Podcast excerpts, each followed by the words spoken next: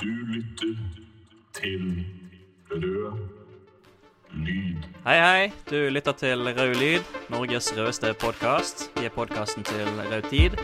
Eh, Og dagens episode er en gave til nye lyttere og nye kamerater. Folk som er nysgjerrig på sosialisme, men som eh, ja, ikke helt vet hvordan de skal svare på typiske motargumenter mot sosialismen. da. Eh, vi har med oss en gjest i studio. Nei da, ikke i studio. eh, på kontoret sitt. Alberte Bekkhus. Har du lyst til å introdusere deg sjøl? Det kan jeg godt gjøre. Jeg heter jo som Vegard sa Alberte Bekkhus. Jeg er leder i Rød Ungdom. Eh, 20 år gammel, kommer opprinnelig fra Moss, bor dessverre i Oslo. Og jeg gleder meg veldig, veldig til å spille inn denne podkasten her. Jeg var jo med eh, eh, har vært med på en podkast tidligere. Det var veldig gøy. Og det var jo også litt sånn teoretisk stoff. Og det her er også teoretisk, men det her er jo skikkelig morsomt. Så jeg gleder meg veldig til å gå dypere inn i materien, for å bruke det språket der. Ja, velkommen tilbake. Dette er andre gang du er med. ja. Tusen takk. Mm. Jeg heter Vegard. Jeg er også 20 år. Studerer historie. Eh, akkurat nå så sitter jeg mye hjemme fordi at eh, universitetet er stengt. Men eh, ja, prøver å fylle dagene med eh, å lære samisk og eh, eh, skrive ting og lese ting. Ja. Hva bruker du karantenetiden på? Eller ikke karantenetiden, koronatiden på? Koronatiden høres ikke noe bedre ut, da. Nei, eh, I disse koronatider! vet du hva, det har jeg sagt så mye i det siste. Det er helt krise. Men jo, jeg bruker altså disse koronatider på å eh, sitte på kontoret og jobbe herfra. Fordi jeg har skikkelig dårlig nett i eh, leiligheten der jeg bor. Så da må jeg nesten være her for å få gjort eh, noe som helst. Men det er også litt digg, for da kommer jeg meg jo faktisk ut hver dag og ser folk hver dag og alle sånne fine ting som man ellers blir litt sprø av. Så jeg er ikke så Mm. nerd som deg, Vegard. Nei da. Holder du, men holder du avstand? Holder avstand. Holder veldig god avstand. Jeg holder også avstand. Det er bra.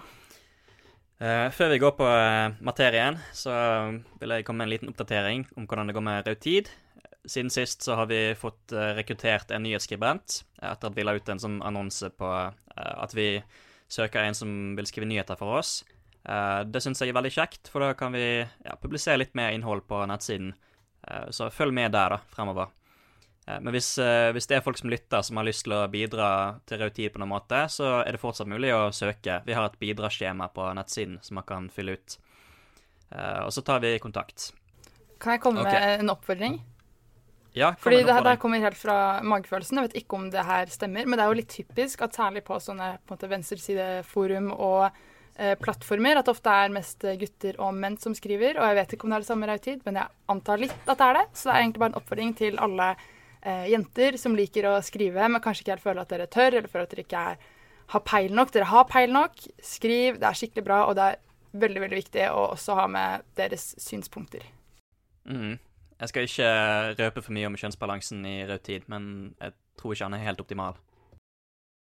Argument nummer én. Trommevirvel. Sosialismen strider mot menneskelig natur. Yeah! Denne har vi alle hørt. Ja. Hva ville du svart på det, Alberte? Uh, jeg ville starta med å si litt sånn om hva det argumentet på en måte uh, går inn på. Fordi det man ofte mener, altså når du det går mot menneskelig natur, hvorfor gjør det det? Og så er svaret jo fordi mennesker, vi er uh, egoistiske egentlig. Vi, ikke, vi bryr oss ikke så mye om fellesskap, vi vil ha det beste for oss selv. Og vi er rett og slett ja, egosentriske eh, vesener. Um, og det tror jeg er litt viktig å forstå, da, fordi sånn sett så må man se under, vi, vi lever jo i kapitalismen, som dere kanskje vet. Det er jo et økonomisk system som baserer seg på evig vekst og store forskjeller. Og under kapitalismen så er det jo litt sånn eh, heter det? Hver mann for seg selv. Alle mot alle. Ja, veldig, veldig alle mot alle. Det er jo en på en måte survival of the fittest, et evig race mot eh, bunnen, der man er nødt til å konkurrere hele tiden. Konkurrere for å få gode arbeidsplasser, for å komme inn på studier, for å ha nok penger til å kjøpe mat. Altså under kapitalismen så er mennesker omtrent tvunget til å være egoistiske. Men det at vi må være det under kapitalismen, betyr ikke at den menneskelige naturen er egoistisk. For det tror jeg i hvert fall Mm. ikke jeg at den er. Nei, vi, men, vi mennesker vi påvirkes jo av arv og miljø, uh, og det er vanskelig å si hva som er hva. Så hvis man ser på hvordan mennesker oppfører seg i et samfunn, og sier 'sånn er de', eh, så er det veldig vanskelig å si at, eh, at det bare er medfødte egenskaper, da. Vi påvirkes jo av det samfunnet vi lever i. Eh, hvis vi lever i et samfunn hvor vi må konkurrere med andre for å lykkes, jo, så vil jo det påvirke hvordan mennesker oppfører seg, åpenbart. Men det har jo ikke alltid vært sånn heller. I de, de første menneskelige samfunnene så levde man jo ikke i klassesamfunn, men man levde i, i små stammesamfunn, eh, hvor det var uh, deg og din klan. Uh, og da organiserte man arbeidet felles. Eh, man arbeidet ikke for profitt, man arbeidet ikke for seg sjøl, men man arbeidet for fellesskapet. Det er det Engels og Morgan har kalt urkommunisme. Det var ikke et idyllisk samfunn på noen måte. Um, man var um, overgitt naturen, og folk levde korte, brutale liv. Uh, men det viser jo at det fins andre måter å organisere samfunnet på enn et sånn konkurransesamfunn, da, hvor alle er mot alle. Uh, og det viser at menneskelig natur er mangfoldig. Uh, mennesket er minst like mye avhengig av samarbeid som av konkurranse. og det ser man ikke bare i de urkommunistiske samfunnet, men også i dag. Dugnad er Norges favorittord. folk har bygd hele bydeler på dugnad bare fordi at de har lyst til å bidra til lokalsamfunnet sitt og se et samfunn vokse opp. Uh, det syns jeg er ganske fint, og det viser at vi mennesker motiveres av mye mer enn bare hensyn til oss sjøl, da. Men vi har også et levende engasjement for hverandre. Uh, og uten det så hadde vi ikke vært mennesker, tror jeg. Absolutt. Jeg tror det er veldig viktig der at sånn Ja, OK, kanskje vi er nødt til å konkurrere masse under kapitalismen, men selv under kapitalismen så er det, som Vegard var inne på, dugnad, samarbeid. Vi er jo helt avhengig av folka rundt oss, og det ser man jo hele tida, hvor mye mennesker er villige til å gjøre for dem rundt seg uten, å, uten at man nødvendigvis tjener på det selv. Mm. Og det, kan tenke seg at i et samfunn da, som ikke var organisert etter måte, konkurranseprinsipper, men var organisert etter fellesskapsprinsipper, så ville jo mennesker også levd i fellesskap. på en måte. Altså, um, vi lar oss påvirke av verden rundt oss, og hvis verden rundt oss er sosialistisk, så vil heller ikke det stride mot menneskelig natur, da. Nei, det vil kanskje heller bringe fram de positive sidene i menneskenes natur. De sidene som handler om å ta vare på hverandre og samarbeide. Um, jo, en annen ting. Jeg hører ofte at folk um, uh, som bruker dette argumentet, da, de viser gjerne til hvordan dyr er i naturen, sier at uh, ulver de organiseres med en sånn alfahann. Uh, mm. Og så det handler om å kjempe om å bli alfahanen, ikke sant? Ulver de samarbeider ikke, de underkaster seg en leder. Og hvis ikke du er alfa, så må du underordne deg alfaen. Alfaen er da en slags metafor for kapitalisten. Men det som er artig, er jo at ulver som lever i det fri, de oppfører seg ikke sånn. De ulvene som ble studert i en studie som viste at ulver organiserer seg i alfa- og beta-hanner, de var i fangenskap. Og ulver de oppfører seg på en annen måte når de er i fangenskap, enn når de er i det fri. Så sjøl ikke dyreriket ja. har man konkurranse om å være alfahann. Dyrene organiserer seg, eller iallfall ulvene, organiserer seg mer etter en sånn flokkmentalitet, da, hvor man skal ta vare på hverandre. Uh, uansett så er det et dumt argument, for mennesker er ikke dyr. Ja, jeg syns kanskje det er det beste så, svaret ja. på det. At det er sånn, ja, OK, men selv om det hadde vist seg at liksom nesten alle dyrearter i verden organiserte seg på den måten, OK, hva så? Flesteparten av dyrearter mm. dusjer ikke, vi mennesker gjør det jo likevel. Fordi det er nice å dusje, liksom. Altså sånn, det blir sånn tullete argument, da. Eh, ja. liksom først skal, og, og hunder, de spiser bæsj. Ja, og det tror det, jeg flesteparten av oss ikke gjør, på en måte. Så det Nei. uh, Ja, det naturargumentet er litt tullete. Skal vi gå videre på neste? Let's do it. Argument nummer to. Sosialisme har blitt forsøkt i Russland og Kina. Se hvordan det gikk der. Yeah. Ja, hvordan gikk det der ennå? Ja, hmm. Hvordan gikk det der? Um, det gikk ikke så veldig bra, la oss bare si det sånn. Uh, og det må vi være helt ærlige på. Jeg syns det er personlig litt frustrerende når det er en del folk som i på en måte sitt forsvar for sosialismen går så langt at de omtrent glorifiserer de landene her. Og så er det selvfølgelig viktig å ikke la seg Det er viktig å anerkjenne ting som faktisk fungerte, men ja, det var mye der som ikke var bra. Men det handler ikke om sosialismen eller kommunismen. Det handler om de landa og feil som ble begått der.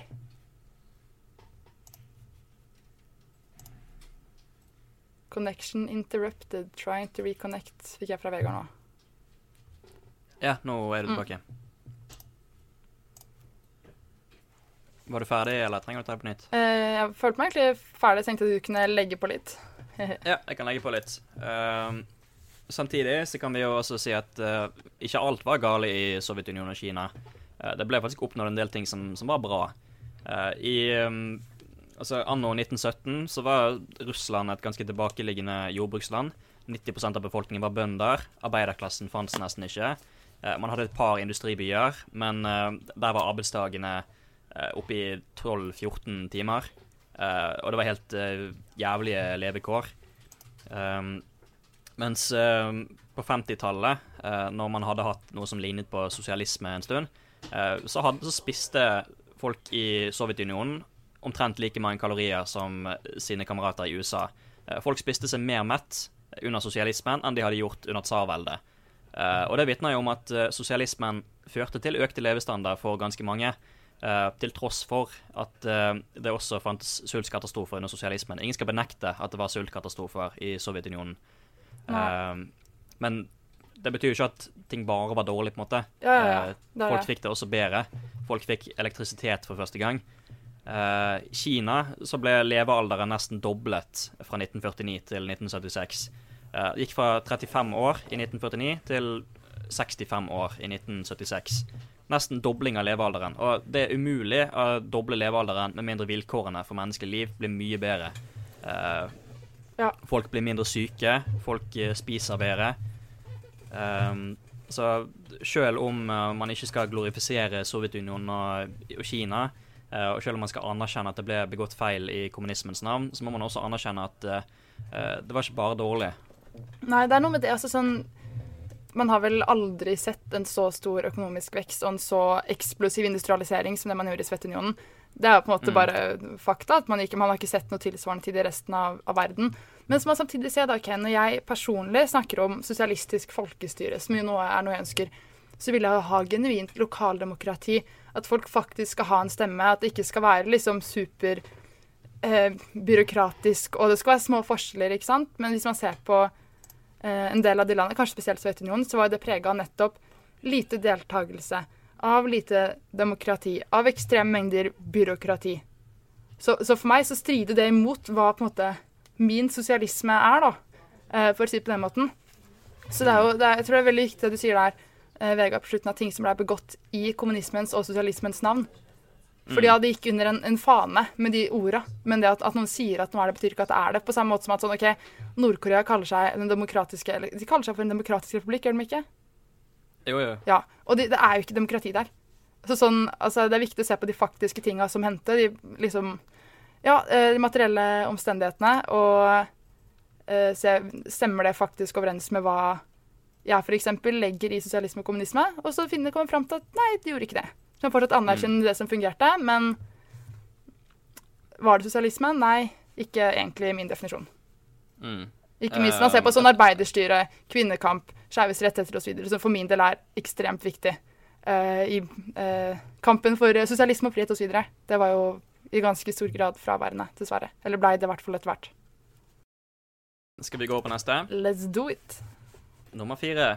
Sosialismen er en fiende av demokratiet. Sosialisme fører uunngåelig til kommunisme, og kommunisme er diktatur. Er det ikke det?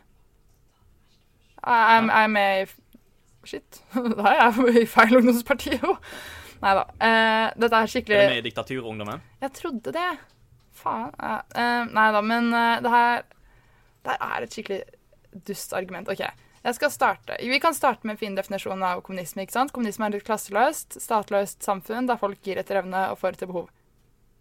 Kommunismens definisjon er ikke eh, et parti med all makten med en diktator på toppen som sier at sånn og sånn skal ting være. det er vel korte definisjon, da, men sånn for hvis noen prøver å ta dem og si at definisjonen på eh, kommunisme basically er diktatur, da er det bare å si nei, det stemmer ikke, og så whippe opp definisjonen, på en måte.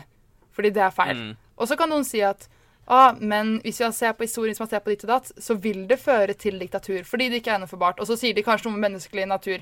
Eh, så alle argumentene er ofte ganske sausa sammen.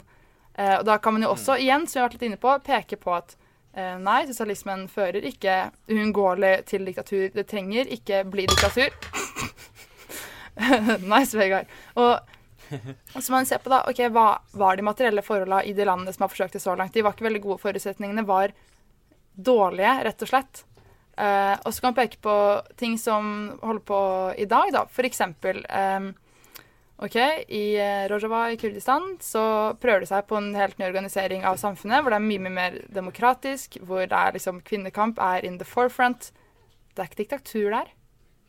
Så sånn det er, det er ofte en litt sånn cherrypicking av argumenter fra de som liker å argumentere mot sosialismen. Eh, og det må vi også være litt bevisste på.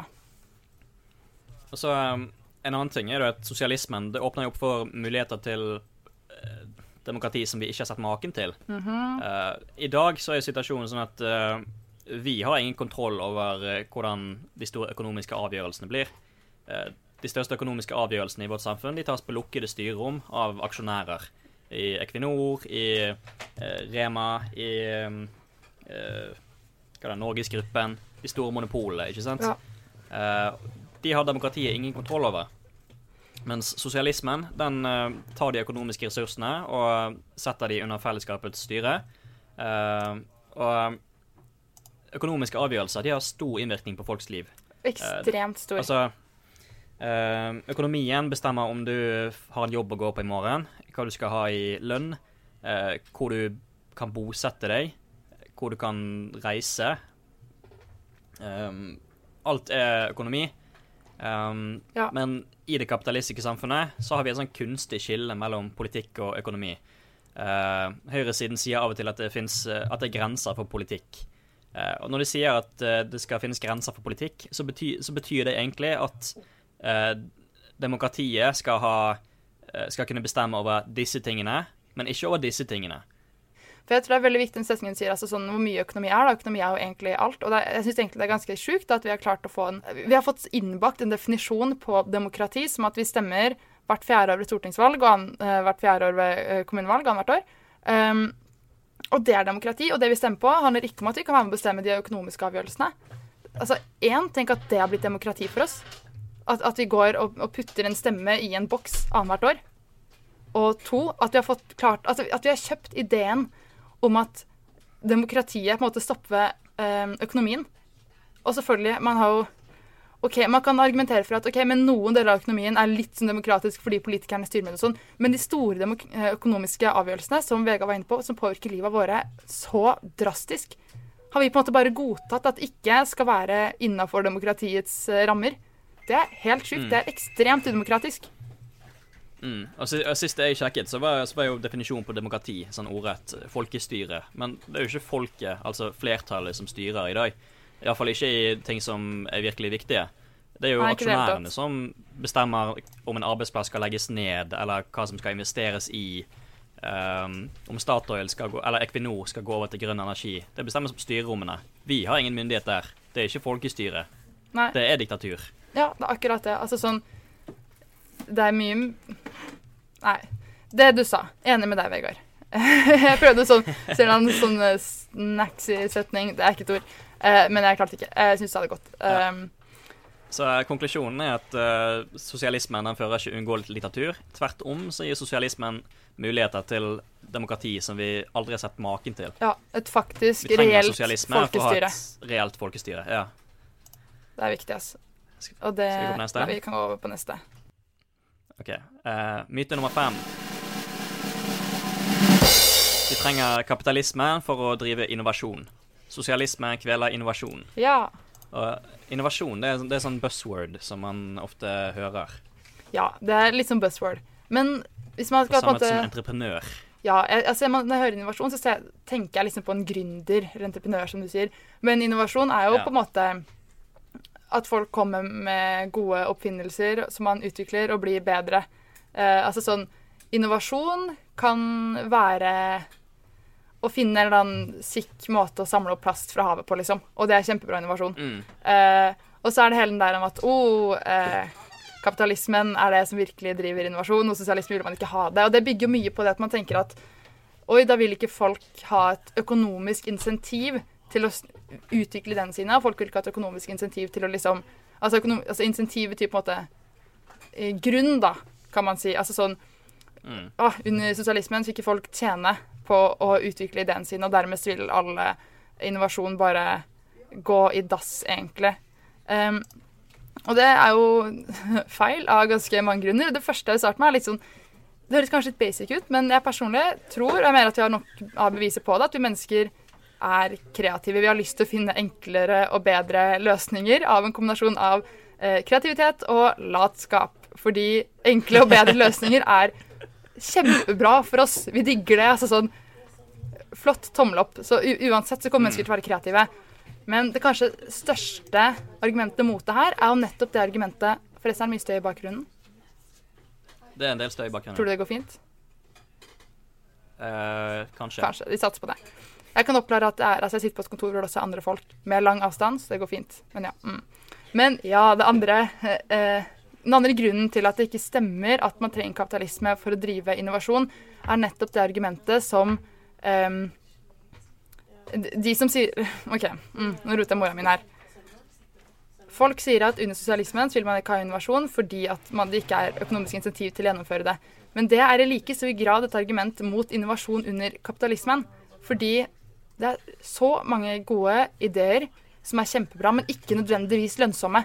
Uh, og da vil jeg trekke fram min favoritt jeg har skrevet her, min favorittlyspære.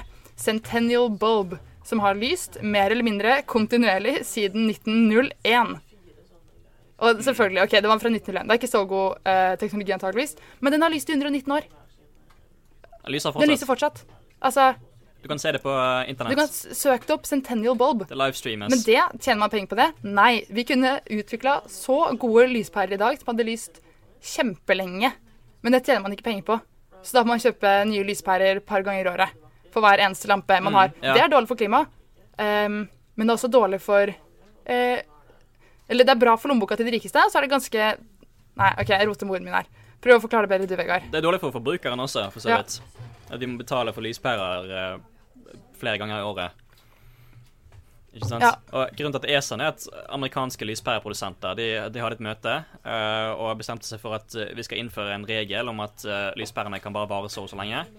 Uh, For ellers tjener de ingen penger. Ja, ellers tjener de ikke penger, rett og slett. Uh, det, dette planned obsolescence, eller planlagt tilintetgjørelse, uh, det er også en teknologi som brukes av Samsung, iPhone, de fleste telefonprodusenter. Telefonen din er laget til å vare i eh, et par år, og så må du kjøpe ny. Ja. Men det er fullt mulig å lage telefoner som varer eh, mye lenger. Eh, men det tjener jo ikke kapitalistene penger på. Nope. Jeg syns ikke det er innovasjon. Jeg syns det er et hinder mot innovasjon. Ja, det er jo det. Og ikke minst hvis vi ser på um, F.eks. når det kommer til robotisering og automatisering, som jo pågår også under kapitalismen, ikke sant? som på den ene siden gjør at en en arbeidsgiver, eller det blir kanskje ikke riktig, men um, at en butikk, Arbeidskjøper. arbeidskjøper, altså en, en butikkjede sparer jo på en måte penger på lønn hvis de har sånn derre betal selv-automater. Men samtidig så er det et problem at da blir folk arbeidsledige, og så får folk dårligere kjøpekraft, og så taper de på en måte penger på sikt, da. Men tenk om vi hadde levd i et sosialistisk samfunn der godene blei fordelt rettferdig. Da kunne vi, vi kunne tilintetgjort eh, på en god måte alt eh, kjipt arbeid. altså sånn I hvert fall mye av det. Sånn, så mange jobber som i dag gjør at folk eh, egentlig ikke får noe ut av det, og egentlig har det, ikke har det så bra. Ah, prøv å si det for meg, Vegard. Jeg klarer ikke å formulere det godt. Sorry. Ja, man, man kunne eliminert mye av det arbeidet som, som folk ikke vil gjøre i dag. Uh, Istedenfor at folk blir arbeidsledige og at maskiner tar over jobben deres. Vi kunne forkortet arbeidsdagen for alle og delt arbeidet mer rettferdig. Uh, tre timers arbeidsdag, to timers arbeidsdag. Ja. Og det er det ikke noe insentiv for å gjøre under kapitalismen, egentlig. Fordi det går ikke opp. Da hadde kapitalismen eh, falt sammen, liksom. Og det hadde for vært nice, det. Men det hadde vært ganske kjipt for Ja. folk. Med mindre man hadde et eh, alternativ klart. Det har vi for så vidt vi, da. Men vi har ikke så mye oppslutning Mm. for det at det nødvendigvis er så gjennomførbart ennå. Altså, kapit kapitalistene de vil ikke at alle skal ha jobb. Kapitalistene de trenger at det er noen som er arbeidsledig, Uh, og hele tiden kan ta over eh, eh, jobben til noen andre. Um, for dette presser lønningene ned, ikke sant. Hvis alle var i jobb, så hadde vi hatt eh, en mye bedre forhandlingsposisjon. Ja. Men når noen er arbeidsledige, så blir lønningene presset ned, og det tjener kapitalistene på. Yes. Så konklusjonen må være at eh, Myte nummer fem. Vi trenger kapitalisme for å drive innovasjon. Sosialisme kveler innovasjon. Nei, snarere oh. tvert imot. jeg har enda mer å si på den, egentlig. Ja, si mer. Det, det, ja, for det, um, Altså, innovasjon, det har man jo så lenge man har folk med gode ideer. Uh, så lenge man har en idé, så kan det føre til innovasjon. Men i dag er det jo kjempemange personer som helt sikkert har ideer, men som aldri får realisert de. Og hvorfor det? Jo, fordi at de jobber på en plantasje i Brasil, eller fordi at de er arbeidsløse på gaten i New York. Uh, og, og, ikke har mulighet til å realisere sine ideer. Hvis man hadde et samfunn hvor alle hadde eh, tilgang på utdanning, og hvor alle hadde mm, et verdig liv, så hadde jo vi vært i en mye bedre posisjon til å heie fram de gode ideene som vanlige folk eh, har hele tiden. Um, ja. I dag så går mange ideer tapt fordi at uh, uh, vår tids Einsteiner jobber på uh, plantasjer i Brasil. Yep. og så um, en annen ting. Folk finner jo hele tiden på ting uten å ville tjene penger på det. Wikipedia, for eksempel, er jo drevet på dugnad. folk satte seg sammen, folk som var gode på data, bestemte seg for at vi skal lage et leksikon på nett som er like bra som de betalte leksikonene.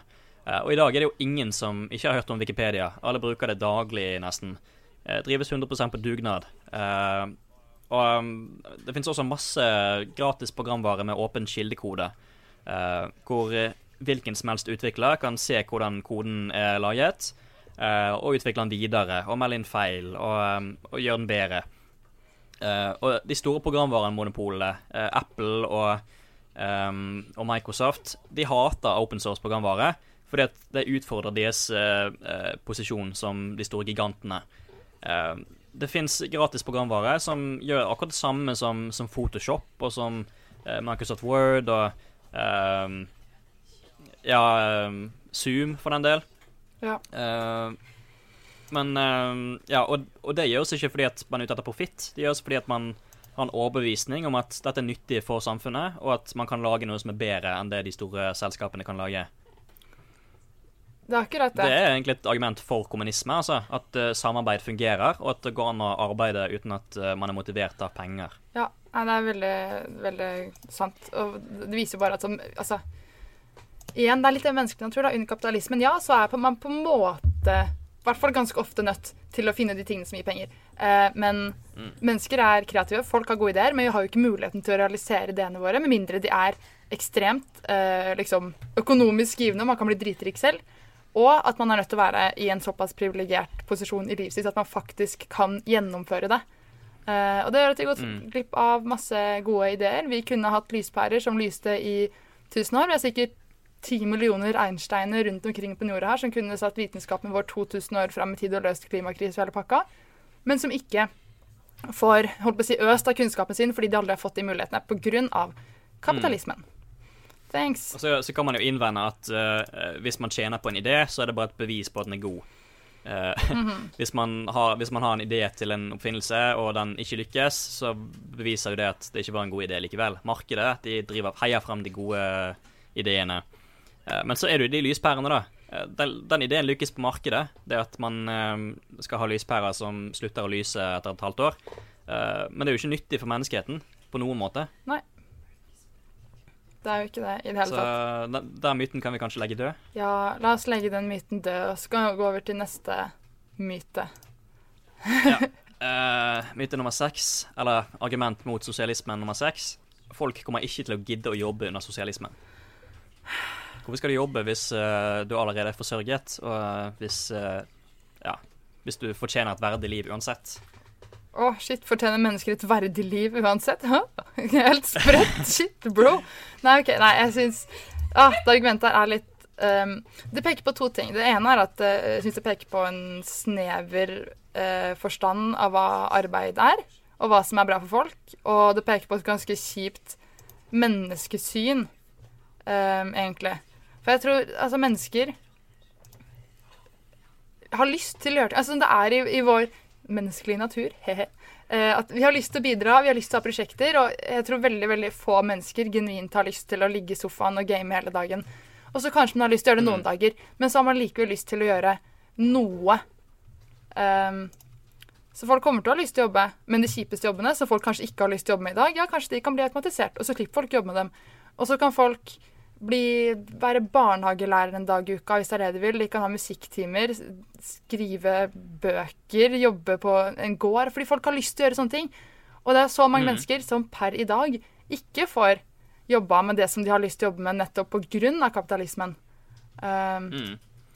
Det, for å si det sånn, det er ingen hemmelighet at det ikke er gøy å stå opp klokken åtte hver morgen og jobbe til klokken fire på den samme bidige jobben hver dag. Eh, vi mennesker er allsidige. Vi har forskjellige interesser. Vi eh, liker å gjøre et mangfold av ting. Vi trenger variasjon i livene våre. Uh, jeg tror at uh, Altså Her er vi tilbake på det med menneskelig natur. ikke sant? Mennesker liker å utfolde seg. Vi liker å bidra i samfunnet. Vi liker å utforske nye talenter. Jeg tror at sosialismen og kommunismen gir oss mye bedre forutsetninger for å realisere det enn det kapitalistiske lønnssystemet noen gang kommer til å gjøre. Eh, men det, det var egentlig en avsporing. Men det, det er greit. Folk kommer ikke til å gidde å jobbe under sosialismen. Jeg, det stemmer Jeg tror bare ikke det stemmer, ikke sant? Fordi folk har lyst Mm. Folk står opp og gjør ting hver dag selv om det er for lite. Altså, folk gjør igjen dugnad. Folk gjør masse arbeid på, på frivillig basis uten å få noe betalt for det. Fordi vi liker det, Mm. fordi vi liker å bidra, fordi det er sosialt, fordi det er fint. Hvis man da i tillegg har muligheten til å utfolde seg innafor det området man har lyst til å utfolde seg innafor, så tror jeg egentlig det bare vil øke menneskelig produktivitet. Ja. Jeg tror det ikke minst vil være bra for menneskelig psykisk helse og bra for samfunnet vi lever i. Altså, kom an, Rød Tid, eh, en, en nettside og en podkast drives fullstendig på dugnad. Vi får ingenting for dette. Vi gjør det fordi vi syns det er gøy, og det er nyttig. Og eh, Nå er det kanskje ikke det beste eksempelet, men uh, Boligbygging på dugnad er et mye bedre eksempel. Wikipedia også, syns jeg. Det er sant. Uh, men Karl Marx han svarte på dette argumentet om at folk ikke kommer til å gidde å jobbe under sosialismen. Det, det svarte han på i det kommunistiske manifestet, uh, og jeg eh, skal sitere han. Eh, Man har innvendt at når privateiendommen oppheves, så opphører dermed all virksomhet, og alminnelig dovenskap vil ta overhånd. Etter dette måtte det borgerlige samfunn for lengst vært gått til grunne av ren latskap, for de som der arbeider, erverver ikke, og de som erverver, arbeider ikke. Hele innvendingen går ut på den tautologi at det ikke finnes noe lønnsarbeid lenger når det ikke finnes noen kapital. Uh, og det at det ikke finnes noe lønnsarbeid når det ikke finnes noe kapital, det er sant, for de tingene er to sider i en motsetning.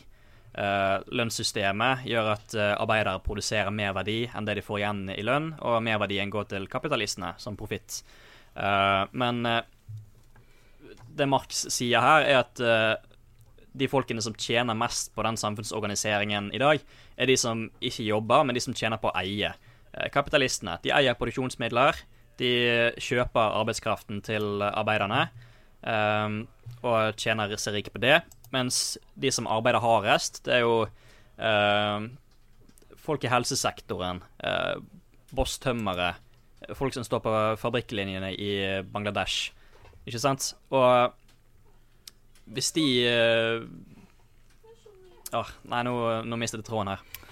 Ja, men noe som kan trekkes igjen, da. Jeg synes det var veldig fint nevnt i forhold til helsefagarbeidere, f.eks., og folk som jobber i typ helsesektoren, da. Som jo er et dårlig betalt sektor. Kan, altså Med mindre man liksom er lege, så, så blir du ikke rik på å være sykepleier eller helsefagarbeider. Men folk, like, folk jobber jo med det likevel. Fordi de har lyst, fordi det er givende, fordi det er noe de ønsker. Fordi folk har lyst Mm. til å bidra, fordi vi, vi mennesker brenner for ting som vi har lyst til å gjennomføre. Og vi kommer ikke til å slutte å brenne for det bare fordi om vi lever bedre liv Altså sånn Folk kommer ikke til å slutte å ha lyst til å være sykepleiere bare fordi at eh, man slutter med en samfunnsorganisering der det er jobb til du dør, eller var hjemløs. Altså sånn, Folk kommer til å fortsette å ville være sykepleiere selv om de er garantert mat, tak over hodet, eh, fritid osv. Litt kanskje kronglete formulert, men jeg håper at det er mening. For jeg syns det er litt viktig å ha med. liksom, at sånn, Folk gjør masse ting i dag. Wikipedia, alt mulig som man ikke på en måte får så mye av personlig. Nei, men sånn økonomisk. Mm. Men som folk har lyst til å gjøre likevel. Fordi det er sånn vi er. Åh, jeg elsker mennesker. Elsker mennesker. Hater kapitalismen. Mennesker er ganske søte, Mennesker er veldig søte. Den beste apen. Ja, beste apen, ja. Skal vi gå ned videre på neste? Eh, ja, men kan ikke du Jeg syns det var så fint det du har skrevet der. Den siste setninga der. Den siste setningen. Eh, jo, Uh, jeg mener at man har et dystert syn på mennesket hvis man mener at den eneste grunnen til at folk jobber, det er at de risikerer å sulte hvis de ikke gjør det. Sweet. Å, det er så punchline. Oh, mic Yeah. drop. Ikke dropp mikrofonen. Er ikke den litt dyr? Jo, den er ganske dyr. Ja, OK, nice. Men ja. Mm. Og uh, det var en gave. Ja, ikke, ikke dropp den, da. Men ja, vi kan ta neste. Ok. Rikard. Eh, argument mot sosialisme nummer syv. Eh, det er ikke egentlig et argument mot sosialismen som sådan, men et argument mot at eh, vi må bli kvitt med kapitalismen. Argumentet lyder vi trenger en blanding mellom kapitalisme og sosialisme. Vi trenger sosialdemokrati fordi vi har det så bra i Norge. Yeah. Oi. Ja, og dette, Dette følges gjerne opp av noe sånt som at uh, vi trenger kapitalister til å skape verdiene, og så sosialdemokrati til å omfordele verdiene. Ja, dette argumentet. Dette argumentet. Det møter man jo stadig. Um, for jeg, jeg kan forstå Altså sånn Jeg kan forstå det til en viss grad, fordi at vi har det bra i Norge. Altså, det selvfølgelig, ting går nedover, men vi har det jo i stor grad ganske greit i Norge. Hvis man ser på sosialdemokratiet f.eks. etterkrigstiden, så var jo det prega av sterk omfordeling, sterk statlig eh, styring. Det var prega av små forskjeller, økonomisk vekst. Altså man hadde Den balansen mellom liksom, holdt på å si, arbeid og kapital var kanskje litt jevnere enn det den er i dag. Men store problemet her er jo at denne blandinga, eller denne balansen, ikke nødvendigvis er, er mulig å gjennomføre på, eh, på lengre sikt. Eh, for det går ikke, det er en motsetning. Det er, ikke, det er ikke sånn at man kan ha de to, og så funker det kjempebra. Um, men jo, jeg vil si at en av grunnene til at ting er så bra i Norge, det som gjør at Norge er så fint å leve i, det er jo ikke de kapitalistiske bitene ved den norske økonomien og det norske samfunnet. Det som har gjort Norge så fint, har vært de på en måte sosialistiske elementene. Uh, altså sånn, Hvorfor ble vi rike av olja? Jo, fordi at vi altså sånn fordi vi forvalta den i fellesskap. Det er jo fordi at vi bestemte oss for at de pengene derfra skulle gå til uh, liksom pensjonskasser og til framtida vår og til flertallet. Tenker du på eh, oljeindustrien? Jeg nevnte det som et eksempel. Eh, Olja! Men, men det er jo likevel et godt eksempel. ikke sant? Altså, det som gjorde oss rike var ikke de Mm. kapitalistiske Ja. bitene av forvaltninga, det var jo de sosialistiske bitene. Ja, altså Hadde det vært opp til Frp, så hadde jo amerikanske eller engelske selskaper eid norsk olje i dag. Yep. Vi hadde ikke sett en krone av det. Nope. Jeg tenker at um, de som argumenterer med dette, de ønsker kanskje at man skal tilbake til den sosialdemokratiske samfunnsordenen, da, sånn som man hadde det på 60-70-tallet. Uh, og um, det er på en måte en sympatisk impuls. Jeg kan skjønne at folk tenker sånn. uh, men jeg tror ikke det er mulig å gjenopprette det norske sosialdemokratiet uh, på nytt.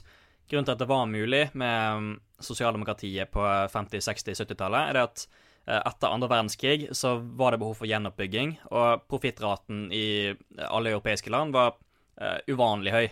Man har aldri hatt en så høy profittrate som man hadde de første årene etter andre verdenskrig. Eh, og da var det rett og slett mye å omfordele. Eh, og man hadde det overskuddet til å bygge en velferdsstat. Eh, men det skjedde, ikke av seg sjøl heller. Man måtte ha en sterk arbeiderbevegelse og en reell frykt i borgerskapet, altså hos kapitalistene, for at hvis man ikke gikk arbeiderne i møte, så ville det bli revolusjon. På 1930-tallet så hadde man det. Da var kommunistene ganske sterke. Oktoberrevolusjonen i Russland var fest i minne. Og um, kapitalistene gikk med på å inngå hovedavtalen i 1935 uh, som et klassekompromiss, Det var en måte å unngå revolusjon på. Um, etter andre verdenskrig så hadde kommunistene kjempet uh, under andre verdenskrig. De var relativt populære. De gjorde sitt beste valg noensinne rett etter uh, andre verdenskrig. Um, Dette var også en tid for klassekompromiss. Um, men siden 70-årene så har eh, viljen til klassekompromiss hos kapitalistene eh, forsvunnet nesten helt. Eh, velferdsstaten blir eh, bygget ned, eh, og samtidig så er profittraten mye lavere nå enn den var eh, eh, på, eh, eh, på 50-tallet. da. Det gjelder for eh, mer eller mindre alle europeiske land. Eh, så jeg, jeg tror ikke det eh, jeg tror, ikke, jeg tror ikke det er mulig å gjenopprette den samfunnsånden som man klarte å skape etter andre verdenskrig. Det var en historisk betinget uh, situasjon. Uh, og så en annen ting er det at mye av den velstanden, såkalt velstand vi har i Norge i dag, eh, resulterer fra utbytting av eh, andre land. Eh, norsk imperialisme. Eh, oljefondet er egentlig et eh, ganske greit eksempel på det. Det var jo på en måte ment som en sånn sparekasse for eh, oljepenger. Eh, men måten oljefondet fungerer på, er at den norske staten kjøper aksjer i, eh, i selskaper. De største selskapene i verden. Eh, Dette er snakk om Nestle, Yara eh, Jeg kommer ikke på så mye mer. Eh, Men i hvert fall dem. Vi kan, eh, vi kan legge en sånn link i, um, i episodebeskrivelsen. Eh, men eh, verdier som skapes i andre land, uh, av matproduksjon i Sør-Amerika og sånt, uh, det går annet til å berike det norske oljefondet og øke statsinntektene til Norge. Det er utbytting av arbeidskraft i sin reneste form. Den norske staten er som en slags eh, felles kapitalist som, som utbytter eh, blod og svette i Sør-Amerika og Afrika. Ja. Og eh, vi kan liksom ikke se forbi at hvis man skulle gjenopprettet Eller øh, styrket den norske velferdsstaten uten å avskaffe kapitalismen, så betyr det intensivert utbytting av den tredje verden. Uh, og jeg tror ikke at det er noe vi må hige etter. Jeg tror derimot vi må hige etter at eh, den norske staten slutter å utbytte arbeidskraften innen tredje verden. eh, slutter å være avhengig av eh, aksjeinntekter fra, som, er, som kommer fra andre land. Men heller satser på å bygge opp en nasjonal eksportindustri som kan ta over for oljen. organisere samfunnet sosialistisk. og ja. Ja, det er veldig det. Så er det fordi En ting er jo at mye av den velstanden vi har i dag, kommer fra utbytting av den tredje verden, som Vegard, du har vært inne på. Men det handler jo også om liksom, ok, mye det som på en måte består av velferdsstaten, er jo bare rester fra, det, fra sånn som det var på 50-, 60-, 80-tallet, fra det, som, det sosialdemokratiet vi hadde der. Og det er, som vi har nevnt, ikke realistisk å komme tilbake dit igjen. Uh, så på en måte Ja. Vi trenger en blanding mellom kapitalisme og sosialisme. Vi har det så bra i Norge. Det er, ikke, det er jo ikke tilfellet. Blandingen av kapitalisme og sosialisme fører jo til en konstant angrep på velferdsstaten, på arbeidsmiljøloven. Det fører til at det er omtrent umulig for oss å virkelig få ned klimagassutslippene. Det baserer seg på imperialisme. Altså liksom Nei, vi har det ikke så bra i Norge. Og denne blandinga mellom kapitalisme og sosialisme utgjør en trussel for mannen i gata, dama i gata. Det utgjør en trussel for vanlige folk, for folk flest, som Frp ville sagt i god stil. Men jeg syns det er et godt ord. Mm. Uh, så, så kampen, mot vel, eller, kampen for velferdsstaten, ikke mot velferdsstaten, uh, kan, kan rett og slett ikke vinnes med mindre vi blir kvitt uh, det kapitalistiske sjiktet, som ikke er interessert i klassesamarbeid lenger. Kapitalistene i Norge var interessert i klassesamarbeid etter andre verdenskrig fordi at profittraten var høy, og det var bedre å imøtegå folk enn å risikere revolusjon. Sånn er det ikke lenger. Og ikke minst så kan vi se en ting er at den der på en måte klassesamarbeidsviljen har blitt lavere, men også makt for å lære et helt annet. De rikeste i dag er mye, mye rikere.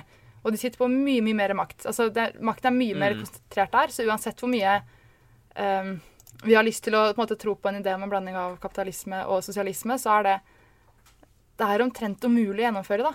Det er fordi den, den makta de sitter på, de som, de som vil bygge ned velferdsstaten, de som vil ha mer privatisering og mer kapitalisme, de har så mye makt, eh, og de har mange av politikerne i sin hule hånd.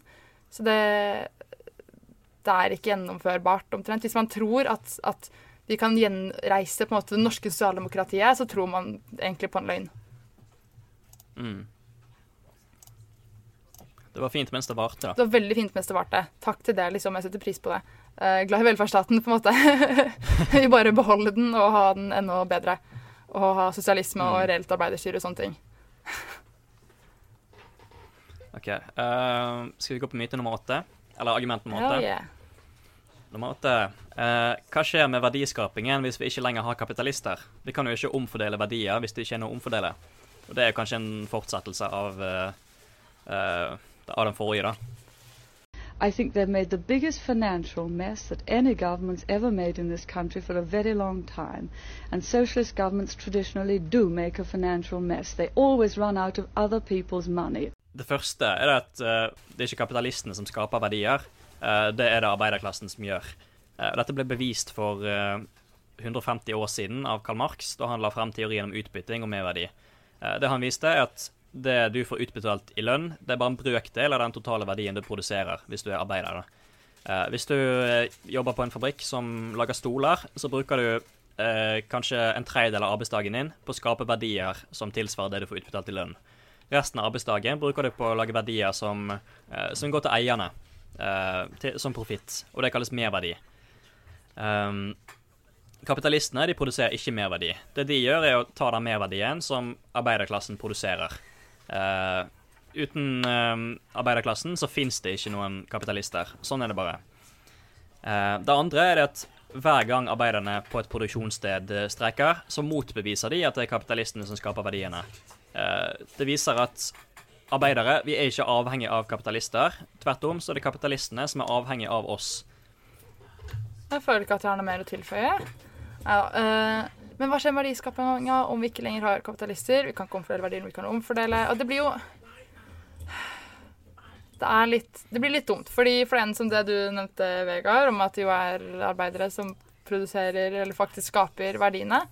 Og så baserer det seg også Vi må selvfølgelig fortsette å ha verdiskapning, men jeg føler den der ofte også baserer seg på den tanken om at vi trenger stadig økonomisk vekst, som jo på en måte fra et klimaperspektiv ikke er noe vi kan ha. Det går ikke. Mm. Og i hvert fall om man først har en økonomi som er demokratisk planlagt, så kan man jo planlegge for økt verdiskapning uh, i mye større grad enn det man egentlig kan i dag. Da kan man jo faktisk si at så og så mye mer Ja, man kan planlegge det, det er flott, og det er demokratisk. La oss innføre det. Takk for meg. Mm. Og så og så er det hm, eh, det, hm, Hva var det jeg skulle si nå? Uh, oh, det er plagsomt. Jeg hadde, jeg hadde noe sånn skikkelig bra. Ja. Hvis dette argumentet var sant, så hadde det vært sånn at uh, man slutter å ha kapitalister, og alt arbeid stopper opp. Uh, men sånn er det jo ikke. Så lenge folk uh, er i stand til å arbeide og organisere arbeidet sitt, så er det jo fullt mulig å fortsette å skape verdier. Um, det som skjer hvis man fjerner kapitalistklassen, altså ikke fysisk fjerner, da, men hvis folk slutter å være kapitalister, så, um, så har man fjernet et utbyttersjikt. Eh, man slutter å, å la merverdien gå til en liten håndfull med eiere som ikke arbeider sjøl. og så går de verdiene som blir skapt, til samfunnet som helhet istedenfor. Ja. Uh, og man kan bestemme demokratisk hva de skal brukes til. akkurat det. Uh, Og det er så viktig, da. Det er et sånn OK, fordi faktisk, hva er det som er et reelt hinder for verdiskapning i Norge i dag? Jo, og i verden i dag, det er at man har et, som eh, du sier, Vegard, et lite sjikt med folk som hoarder verdier og hoarder penger. Ting som kunne tilfalt fellesskapet og ført til bedre levestandard og bedre liv og bedre velferd for alle. Eh, det er Mhm. ganske Det er litt eh, dust på en måte å tro at det er kapitalisten som fører til at vi får eh, verdiskapning. Og ikke minst, da, altså, selv i dag, under, måte, under kapitalismen, så er det jo masse arbeiderstyrte bedrifter. Der de selv bestemmer hva de har lyst til å produsere, og samarbeider og har gode lønnsavtaler. Så det er sånn det, det argumentet er vel Det føles ikke ut som at det er basert på sånn verden faktisk er, da. Egentlig. mm. Og se på Jeff Bezos, for eksempel. Da. Uh, han er på vei til å bli verdens første dollartrillionær. Det er helt utrolig. Uh, men det er jo bortkastede penger. Hvorfor skal han sitte på de pengene sjøl? De pengene kunne jo vært eh, gått tilbake til samfunnet, vært investert i infrastruktur, i eh, grønne industritiltak, Um, Helsevesenet, ikke minst, siden her er det i USA. Helsevesenet i USA, ikke sant? Men de pengene de holdes jo vekke fra samfunnet fordi at de eies av en privatperson som ikke bidrar noe sjøl. Jupp. Det, det, er ikke- det er jo ikke han som er hjertet i Amazon. Hjertet i Amazon er jo alle de tusenvis av arbeiderne som står opp hver dag og jobber på varehuset og får og, og maskin, maskineriet til å gå rundt. Ja. Jeg tror det er veldig viktig. Hadde vi fjernet Jeff Bezos og erstattet eh, han med en, eh, et demokratisk styrt Amazon, så hadde vi ikke tapt noe på det. En, vi hadde faktisk fått mye på det, Uh, fordi at de trillionene Eller Snart trillionene. eh, Hvor mye blir det i norske kunne penger, da? brukt på bedre ting enn å brødfø Jeff Bezos.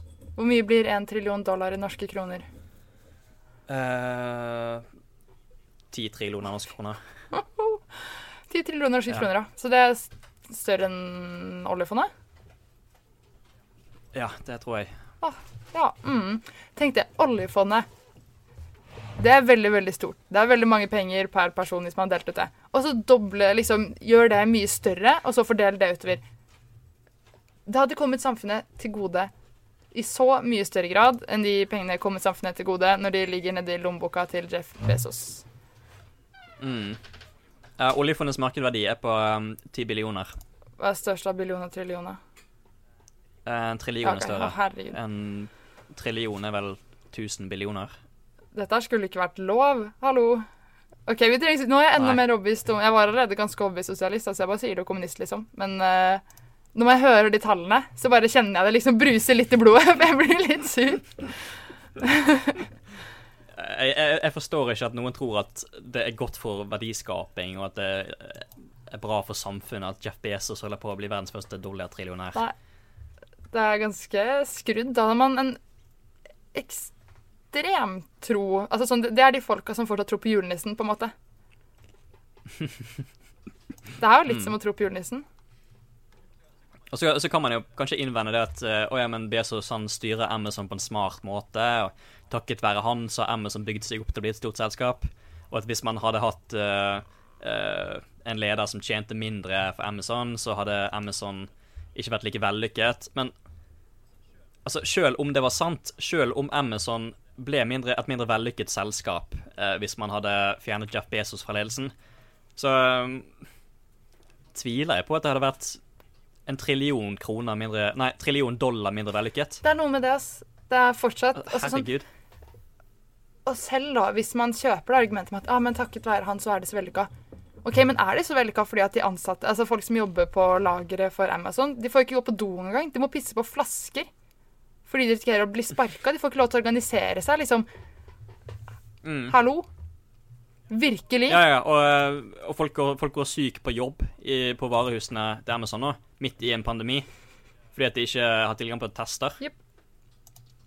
Og fordi at uh, de har ikke råd til å ta seg eh, sykefri. Jeg skal være helt ærlig, selv om det er sant at Eller sånn Selv hvis Amazon hadde hatt på en måte, hva skal man si, produsert færre verdier, hvis ikke Jeff Bezos hadde den lønna der Jeg ville heller hatt færre verdier, og at de ansatte hadde det ordentlig.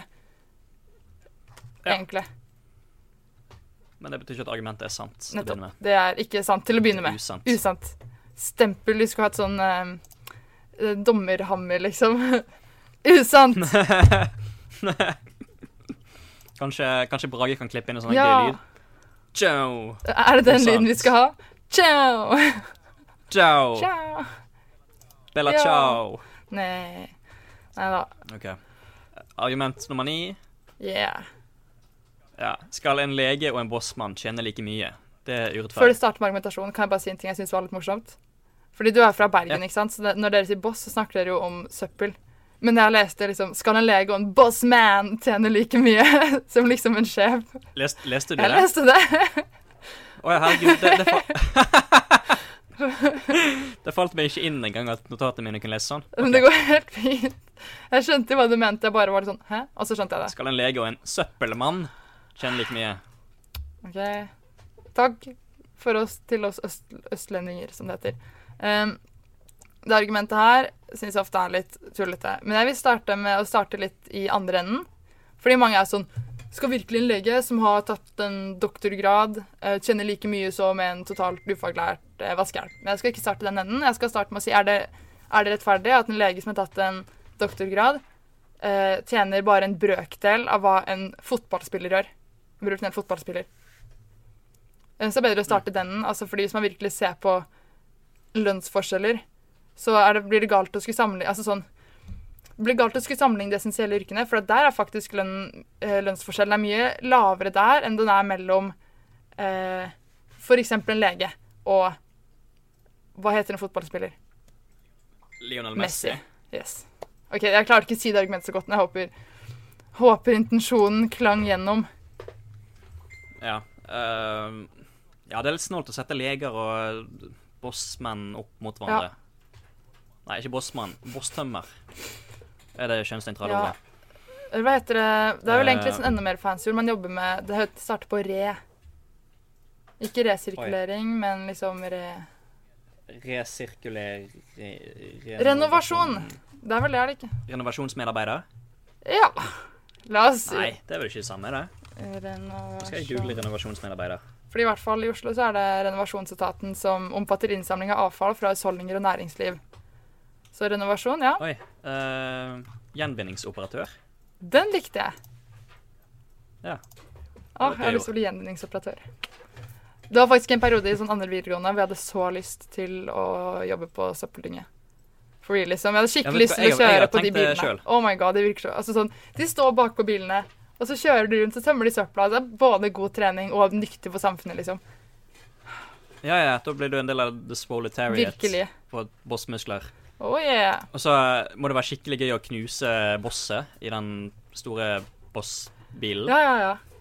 ja og jeg kan si, når jeg jobba i barnehage, Altså- hver gang eh, på en måte renovasjonsfolka eller hva man skal si, kom og henta søpla, alle barna strømmet til gjerdet og sto og vinka og ropte på de som kom i søppelbilen. Det var fantastisk. Ah, det er skjønt. Hallo. Ja, Unger ja altså barn de ser hvem som virkelig er kritiske for samfunnet. ikke. De hadde ikke vinka så mye hvis det kom en eller annen Ja. sinna mann i dress og stresskoffert. på en måte. Helt ærlig. Nei. Altså, unger de, de skjønner at uh, når det kommer en mann i dress og stresskoffert på film, da er det skurken. De gjør det. Mens uh, bosstømmeren, de, de vinker de til. Altså, det er Det er hverdagshelter. hverdagshelter, ass. Åh, det er bra. Men Ja. tilbake til, til sak, da. Så går jo dette argumentet ut fra et premiss om at uh, målet til sosialister er at eh, alle skal få samme lønn. Og uh, det, er, det er det ikke. Vi, vi har aldri krevd at alle skal få samme lønn. Selv ikke i det kommunistiske samfunnet er det et mål at alle skal ha samme lønn. Nope. Um, så i sosialismen så er det et fornuftig prinsipp at de som jobber mest, de skal få mest kompensasjon for det. Det syns jeg er et fornuftig prinsipp. Og jeg vet ikke hvem som jobber mest av en lege og en uh, gjenvinningsoperatør. Uh, men uh, den av de som har det mest slitsomme yrket, som har det mest skitne yrket, som har yrket med lengst arbeidsdager, og som har måttet gå i lengst opplæring for å kunne ha jobben, syns jeg burde tjene mest på det, så lenge vi skal ha lønn. Og vi må nok ha lønn under sosialismen også. Men i det kommunistiske samfunnet så er det, som du sa, et statløst og klasseløst samfunn. eh, hvor eh, man gir etter evne og får etter behov. Eh, da skal man ikke lenger eh, trenge lønn, da. Eh, for lønn er egentlig et ganske urettferdig prinsipp. Eh, Sjøl hvis man fikk det samme i lønn, så hadde jo den lønnen betydd forskjellige ting for ulike folk, da, fordi vi har forskjellige behov. Eh, en person som har eh, åtte barn, og en person som har eh, ingen barn, eh, de, de får jo veldig mye Eller de får ikke det samme igjen for den samme lønnen, da, kan du si. Nei, ikke i det hele tatt. Eh, et mer rettferdig prinsipp det er få etter behov. Ja, det er veldig viktig. Og så er det det er få etter behov, folk skal ikke nødvendigvis tjene sammen. Og så er det, synes jeg også det er litt hm, Nå snakker ikke jeg tydelig her. Hm, starter på nytt. Jeg syns også det er litt spesielt på en måte hva det er man verdsetter mest, og sier at det og det skal gi mye lønn. Fordi ja, en lang og vanskelig utdanning og eh, liksom tilsvarende viktig yrke etterpå bør gi høy lønn. Men vi skal ikke med det si at yrker som ikke har lang utdanning, ikke er utmattende og slitsomme på andre måter, som også bør kompenseres. Mm. Er derfor egentlig det er eh, OK, la oss si en eh, Nå skal det sies at rørleggere tjener ganske godt, da. Men sånn OK, for å bli rørlegger så går man eh, eh, yrkesfag. Så da må hvis man slår sammen to år av- på skolen og to år i lærling, så er det fire år i utdanning. Eh, og man OK, det er kanskje jeg som er dømmende, men jeg syns man jobber med litt ekle ting en del ganger. Holdt på å si ekkelheten den fysiske andelen. Selv om det kanskje er en kortere utdanning enn en legeutdanning, bør likevel kompenseres. ikke sant? Så det blir veldig rart at vi kun skal se på liksom, hvor lang formell utdanning noen har, som indikator for hvor mye, mye man skal tjene. Um, og så er det, ja, Hvis noen bidrar masse, så ja, skal det kanskje få mer enn annen som bidrar mindre. Men samtidig så er det også elementet at man med et sosialistisk lønnssystem, hvis man kan bruke det uh, uttrykket, også uh, faktisk har muligheten til å ta hensyn til at ok, det er ikke alle som f.eks. har muligheten til å jobbe like mye. Men i, i dag så betyr det hvis ikke du har muligheten til å jobbe like mye, så er det identisk med at du er avhengig av relativt lave stønader fra staten. Og hvis du av ulike grunner ikke kan jobbe like mye, så er det identisk med sorry, du må leve et dårligere liv. Det er ganske sjukt, fordi det er ingen som har En del utfordringer kan man ikke gjøre noe med. Det er medfødt. Det er ikke sånn at du kunne unngått dem ofte. Og selv hvis man kunne unngått dem, betyr det at man skal straffes for det? Nei, det mener jeg blir helt galt. Uh, og ja, det er riktig at i i et sosialistisk samfunn så ville man levd gode liv selv om man ikke kunne jobbe like mye som en annen person. Det er ikke en motsetning mellom at det skal lønne seg å jobbe hardt. Mm. Ga det mening? Ja, jeg syns det ga mening. Ja. Og så er det igjen da, så Det blir veldig rart å skulle sette opp søppeltømmeren og legen opp mot hverandre når den reelle konflikten ikke går mellom søppeltømmeren og legen, men søppeltømmeren og legen og eieren av helseforetaket og eieren av det potensielt private eller kanskje kommunale eh, renovasjonsselskapet. Oh yes. Det er ikke arbeid mot arbeid, det er arbeid mot kapital. Oh yes. Så det, så. Skal vi gå videre på Ja, men nei, du skal ikke tjene like mye. Um, eller sånn er ingen, Ingen ingen, skal, ingen har sagt ingen har det. sagt det. Man skal ikke nødvendigvis tjene like mye. Men vi skal ikke liksom automatisk anta at legen må tjene mer enn Nei, det er akkurat det. Og så prinsippet er uansett at alle skal ha muligheten til å leve verdig liv, og at ingen skal kunne tjene seg søkkrike på andres arbeid. Det er et ganske enkelt Mm. prinsipp, på en måte, som Ja. Som også man kan si Hvis noen sier til deg at det er urettferdig, så kan du si nei, men det er ikke det vi mener. Ferdig snakka. Ok, Da går vi opp på uh, siste argument, som uh, Det er kanskje ikke så veldig mye et argument, det er mer en spydig kommentar man får på uh, Facebook sitt Og ikke bare. Facebook. Nei. YouTube. På ekte. OK. På ekte, ja. OK, nummer ti. Hva med Venezuela? We want to restore Venezuelan democracy. Shit. Venezuela. Shit, bro. Shit, men hva med Venezuela? Nå er ikke jeg sosialist mer. Jeg hadde ikke tenkt over det engang. Herregud. Nei, OK. Hvis uh, OK. Vi sosialister vi vil at Norge skal bli som Venezuela. Eh, Venezuela har hatt en økonomisk eh, krise uh, og har politisk kaos i landet. Det vil si at Norge blir ødelagt hvis vi skulle hatt sosialisme. Ja. Yeah. Um, jeg, jeg kan bare si til å begynne med at jeg har ikke studert Venezuela, uh, så man må ikke se på meg som en autoritet på det her. Uh, jeg er bare en sosialist som har fulgt sånn halvveis med på uh, den politiske krisen der. Men vi kan jo begynne med å si at Venezuela, ifølge den definisjonen vi opererer ut fra, ikke er et sosialistisk samfunn. I beste fall så har landet en sosialdemokratisk velferdsstat som er finansiert av statlige oljeinntekter. Eh, og ehm, det er ikke nødvendigvis noe i veien med det, men å bruke det som et argument mot sosialisme blir eh, i beste fall eh, dumt. Eh, Det andre er at store deler av næringslivet i Venezuela, inkludert eh, medieselskapene og matvarekjedene, de er eid av private kapitalister.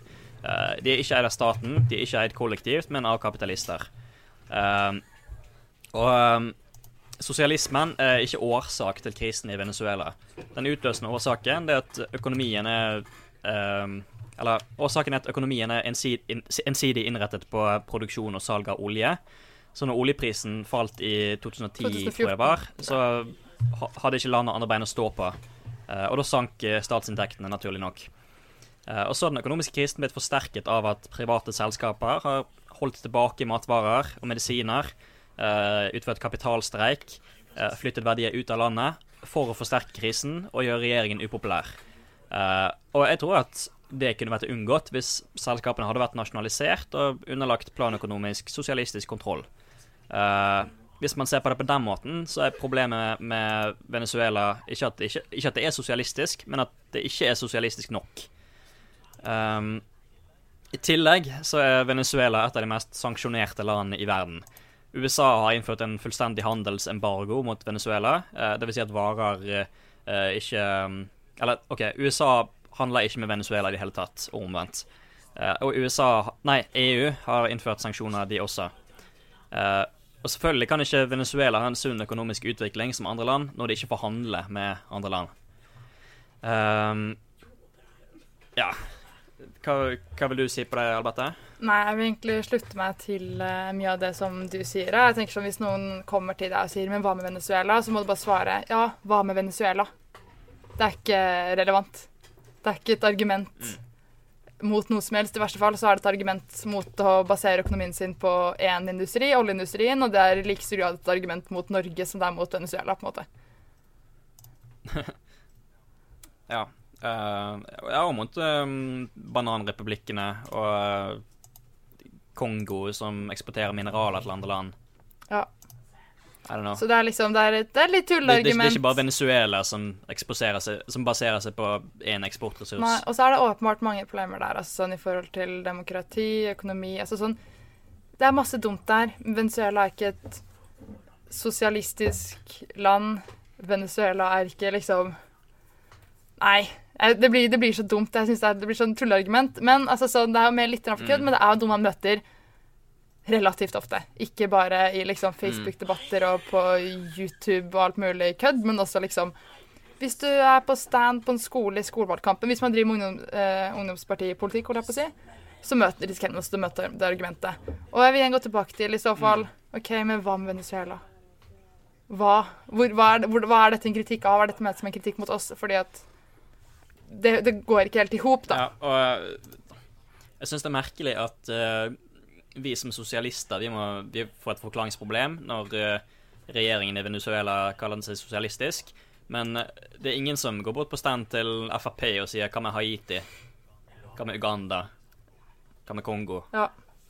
Så det er veldig spesielt at det er Ja. Men det er typisk, da. Det er alltid vi som må unnskylde oss og forklare oss for alt det der. Men kanskje vi skal svare det samme, da. Hvis en eller annen FPU-er eller noe sånt kommer bort og er sånn med Venezuela? Så kan vi bare svare ja. Hva med Haiti, Uganda, Kongo? Og da kommer de til å svare hæ, hva med dem? Og så kan vi si ja, hæ, hva med Venezuela? Hallo? Ja, ja, ja. Jeg syns det er litt gøy. Uh, så Ja, men Venezuela er ikke et land vi ser opp til som et forbilde på Eller som et eksempel på hvordan vi vil at Norge skal være. Men uh, vi kan godt innrømme at, uh, at Rødt har hatt uh, Har vært overkant, i overkant optimistisk rundt Venezuela, sånn rundt For 2007. 13 år siden, Eh. Da så man med entusiasme på Chávez og sosialismen for det 21. århundre, som de kalte det. Og jeg tror at noe av den beundringen har måttet trekkes tilbake i Det har den jo blitt også, føler jeg. Altså, det er ikke noen Det ville ikke skjedd igjen, den på en måte oppseeinga. det er ikke et. Men det som, som fant sted da. Og så er det jo viktig å kunne innrømme sine feil, og det vil jeg jo si at Rødt har gjort, liksom. Og det er ikke sånn at vi bruker Mm. mot Fremskrittspartiet at de var for apartheid. Og da er det spesielt Mm. at de skal bruke mot oss at vi uttrykte litt, hva heter det, kritisk støtte til Venezuela for 13 år siden, da vi var et Ja. helt nytt parti. Jeg syns uansett at det, det er langt verre å støtte apartheid i Sør-Afrika enn det er å støtte Det er jo Venezuela. veldig, veldig det. Langt verre. Eh, po- poenget er i hvert fall at det er ikke sosialismen som har skapt krisen i Venezuela. Eh, og jeg mener at først og fremst så er Venezuela et offer for amerikansk imperialisme. Uh, altså de, de amerikanske aksjonærene som eide den, den venezuelanske oljen uh, fram til begynnelsen av 2000-tallet, tror jeg, uh, de har aldri tilgitt at Chávez-regjeringen nasjonaliserte oljen og gjorde det til et statlig, statlig oljeselskap. Eh, og kuppforsøket i 2002 mot Chávez det var en direkte reaksjon på nasjonaliseringen av oljen. Eh, og eh, det er nok også mye derfor at USA har innført handelsembargo mot Venezuela. for å skape vanskeligheter for den venezuelanske regjeringen og gjøre det mulig å støtte et kupp. Akkurat. slik at oljen kan bli privatisert igjen, og USA kan Eller amerikanske aksjonærer kan eh, tjene seg rik på det når oljeprisen stiger igjen. Og der er det jo faktisk dette. Der er det solidaritet. Altså sånn, I hvert fall jeg som sosialist vil alltid holdt på å si kjempe mot amerikansk imperialisme og imperialisme generelt. Uansett. Og selv om jeg ikke nødvendigvis er sånn Jeg går Venezuela, så vil jeg selvfølgelig stå på Venezuela sin side hvis Venezuela blir utsatt for kuppforsøk, Mm. for imperialisme osv. Mm. Men det handler ikke om sosialisme, det handler om solidaritet. Mm. Og kanskje litt sosialisme, men mest solidaritet. liksom Og jeg, eh, jeg, eh, mener at Nicolás Maduro er den legitime statslederen i Venezuela. eh, og at Juan Guaidó, som utnevnte seg sjøl til president, at han er en kuppmaker. Drittsekk. en USA-marionett, en drittsekk, og at vi ikke skal anerkjenne Nei, helt enig. Det betyr ikke at jeg ser på Maduro som et sosialistisk forbilde og ønsker å modellere Norge etter Venezuela. Det betyr bare at jeg mener at vi må respektere at Maduro er valgt, og eh, la det venezuelanske folket ordne opp i konflikten sjøl, uten å sanksjonere landet og uh, ta stilling til hvem som skal være Nei. statsleder. Eller OK, jeg tok stilling. Men Jeg tok stilling med Maduro. Men likevel, ikke sant? Altså, du støtter det som det venezuelanske, sier man det? Venezuels... Den venezuelanske Jeg støtter uansett Altså sånn Jeg støtter eh, folk i Venezuela sin rett til å bestemme hvem de vil ha som leder selv, og vil gå imot eh, liksom Amerika-støtta kuppforsøk. På samme måte som at sånn, ok, vet du hva, jeg anerkjenner jo at Trump er presidenten i USA. Det betyr ikke at jeg støtter han, men jeg anerkjenner at han er det, Det er liksom. Han er statsleder. Sant, ass? hva, det er ikke så mye vi får, får gjort med det, på en måte. Nei, Nei, inntil videre. Eller vi får ikke gjort det med det uansett, da. Um, Det er amerikanerne som Yes. gjør noe med det. Og de jobber med det. Og det samme med det venezuelske, venezuelanske folket i Venezuela. Vi må bare beklage til det venezuelanske folket at vi har eh, uttalt navnet Ja. deres feil. Jeg er bare glad for at jeg ikke har klart å si Venezia i stedet for Venezuela, for det er en feil det hender at jeg gjør. Uh, og den Oh. mm, Det er en ganske sykt feil. Uh, men ja. Hva med Venezuela? Ja, hva med Venezuela? Og så må man selvfølgelig anerkjenne eh, handelssanksjoner, anerkjenne imperialisme. Ah, men, men bottom line er at vi må anerkjenne at det er det venezuelanske folket som, som, som selv har rett til å bestemme hvem det er de ønsker som leder, hvordan styrte de vil ha. Og anerkjenne deres rett til sjølråderett eh, og folkestyre. Um, og hva Venezuela? Ja, hva da? Hva Venezuela? Jeg vet ikke. Hva med Kongo? Ja. Hva med Haiti? Hva med Uganda? Så det, så. Nei, men eh, skal vi si oss Ja, ferdig, vi kan det. Jeg syns det var ganske gøy. Åh, det, her- er litt artig. Vi kan gjøre mer av det her. Og så syns jeg noe annet som eh, Vegard nevnte underveis, da, som du nevnte, som jeg også vil trekke fram igjen, er å si at eh, Vegard og jeg har jo noen ulike definisjoner på hva vi legger i sosialisme. Og så er vi, vi er jo enige om veldig, veldig, veldig mye, og så er det noen småting der vi har litt ulike analyser eller ulike syn på hvordan vi ser på ting. Men likevel, disse argumentene her, de, der er vi på samme linje. Eh, fordi de argumentene som kommer mot sosialismen, holdt jeg på å si, de er som regel så lite bundet i eh, virkeligheten og har så lite innhold at det, det skal ganske lite til å slå ned på dem. Ja, og en, eh, en, en unge høyregutt som argumenterer mot sosialismen, han gjør på en måte ikke forskjell på om du er trotskist eller maoist eller anarkist. Nei, For han så er sosialisme sosialisme. ja, det er når staten gjør ting. Nei da. Og hvis staten gjør mer, så er det mer sosialisme. Det er når man tar andre sine Ja. Det er det. Ah, vi glemte om det beste, da. At sosialismen egentlig bare er for eh, late folk som ikke har lyst til å jobbe noe selv. Faen. Faen. ja. Nei da. jeg syns den er litt morsom. Eller sånn Ja, nei, man møter den også noen ganger, og da er det bare å si 'hallo'. Det er jo tull. Og så er det tull. Men det, Mm. det jeg vet ikke. Eh, Egentlig, det å, det å tjene penger, det å investere i aksjer. Ja. Det er for late folk som ikke vil jobbe eh, sjøl. ja. Så sykt. Så det, så. Eh, Jeg håper det har vært litt rann, eh, Hva heter det? Innsynsfullt, er det et ord? Lærerikt. Er et ord. Håper det har vært litt lærerikt. Ja, litt interessant, i alle fall. Um, Hvis, dette var, hvis dette var bra, så kan du dele podkasten med venner. Du kan uh, gi en god vurdering i Oh, iTunes. Oh, også, ok, Jeg vet ikke om, om dere har sånne liksom, kommentarer og sånn. Jeg har sett mye på YouTube det siste, men det er sånn eh, Drop a comment down below. Men helt fordi det er kjempemorsomt. Hva, liksom, hva er dine argumenter du møter mest? Hva er, det, hva er dine svar på ting? Er det noe her som vi skulle tatt med? Har du noen liksom, sikke comebacks som alle sosialister trenger? Eh, vær så snill, kom med dem, fordi det er greit å ha. Ja, absolutt. Del det med oss. Um, send en melding til Rautid, eller kommenter på et av innleggene våre på Facebook. Du kan komme i kontakt med oss på Twitter på at uh, Rød Tid. Ja, og så, så er det jo ikke podkast uten den obligatoriske Patrion-pluggen. Um, Patrion det er en tjeneste hvor eh, man kan gi et valgfritt beløp månedlig. Um, og disse beløpene er vi helt avhengige av for å kunne gjøre det vi gjør. Mm. Det er pga. beløp for, eh, av folk på Patrion at vi kan ha den nettsiden vi har eh, med et eget domene. Og at vi kan ha Soundcloud Pro, som gjør at vi kan hoste podkasten. hvis du har lyst til å gi et frivillig bidrag, så kan du sjekke ut vår eh, side på Patrion og gi et valgfritt beløp. Jeg kommer til å legge en link i eh, episodebeskrivelsen. Yeah, Yes. det høres bra ut. Da eh, gjenstår det bare å si takk for nå. Takk for nå. Sier man det? Skal jeg si det? Skal være sånn ha det, takk for si meg. Det var veldig hyggelig å få være med igjen. Er gjerne med seinere. Elsker å snakke om sosialisme. Uh, yeah.